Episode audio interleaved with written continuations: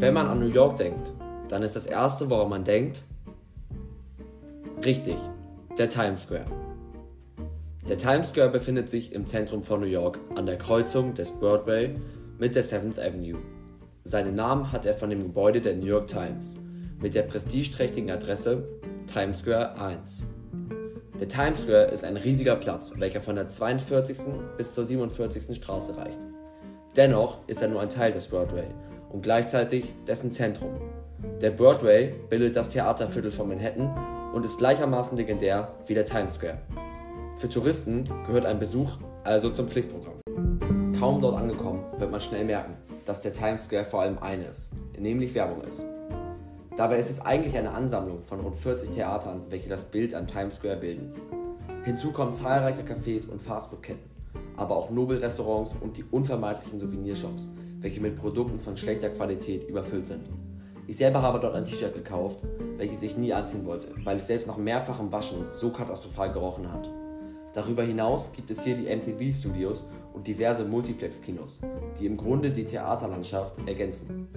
Auch Sony und Vogue haben hier Niederlassungen und die Technologiebörse Nasdaq residiert in der Nachbarschaft. Platz gibt es aber rein stadtplanerisch schon viel länger. Er hieß bis 1904 Longacre Square und beherbergte Kutschenmonteure und Pferdestallungen. Dann wurde dort das erste Hochhaus gebaut, in das die New York Times einzog. Man benannte den Ort in Times Square um. Mit dem Aufschwung des Broadway ab den 1920er Jahren wurde er stets berühmter, denn die amerikanische Theater- und Filmindustrie feierte sich gern selbst und stellte daher den Times Square dementsprechend oft und prominent dar. Das zog weitere Musicalhäuser, Kabaretts und Austernbars an, denn der Platz wurde zu einer der Adressen in New York. Wer hier ein Geschäft betreibt, verfügte trotz horrender Ladenmieten faktisch über eine Goldgrube. Auch First-Class-Hotels siedelten sich zwangsläufig an. Mit dem geschäftlichen Aufschwung begann die überbohrende Werbung, die freilich gleich zu Anfang von den Theatern und Kinos ausging. Schon sehr früh handelte es sich um Leuchtreklame, die zunächst nur weiße Glühbirnen einsetzte und zur Bezeichnung als Great White Way führte. Die New York Times und die umliegenden Hotels am Südende des Platzes sperrten sich von Anfang an und sperren sich bis heute absolut gegen Werbung, weshalb dort bis in die 1940er Jahre kaum Reklame zu finden war. Das änderte sich aber in der Mitte des 20. Jahrhunderts. Allmählich wurden auch südliche Times Square Gebäude mit Werbung ausstraffiert, von der manche sogar Weltruhm erlangen. Die Werbung gehört zum Straßenbild am Times Square. Das ist sogar in den New Yorker Bauvorschriften festgeschrieben. Neubauten an diesem Platz dürfen nicht nur, sie müssen hell erleuchtende Werbetafeln tragen. Deshalb ist es auch das, woran man denkt, wenn man an den Times Square denkt. Die Werbung. Mich würde jetzt interessieren, waren Sie schon mal da? Wollen Sie gerne mal in den Times Square? Dann ist das jetzt Ihre einmalige Chance. Machen Sie nun fest die Augen zu und stellen Sie sich vor, Sie stehen auf einer roten Treppe, mitten im Times Square. Sie riechen Benzin, das Fastfood und den Schweiß der eng an eng stehenden Menschen. Sie machen die Augen auf und müssen sich erstmal umgucken. Es sind so viele Eindrücke auf einmal.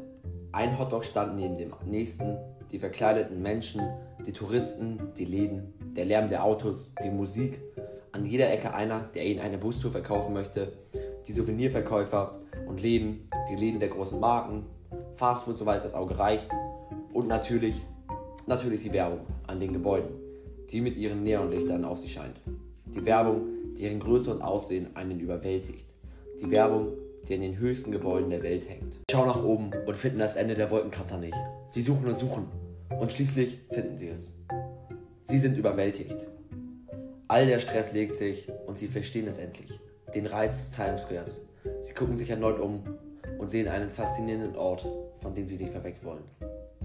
Sie wollen in jeden Laden, in jeden Hotdog reinbeißen und bei jeder Bustour mitfahren.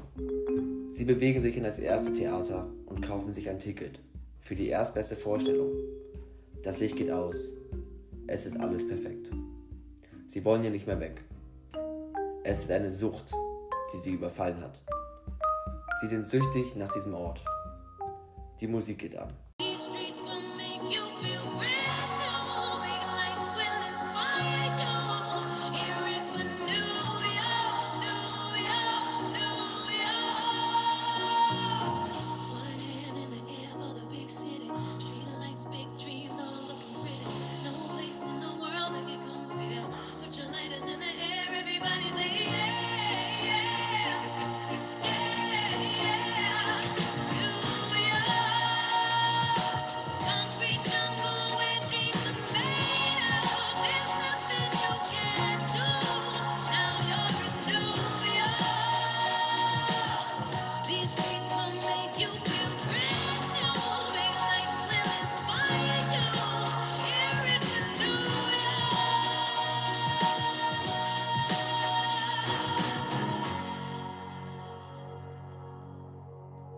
Sie wachen langsam auf und realisieren, dass sie nicht in einem Theater in New York sind, sondern zu Hause, wahrscheinlich vor ihrem Computer.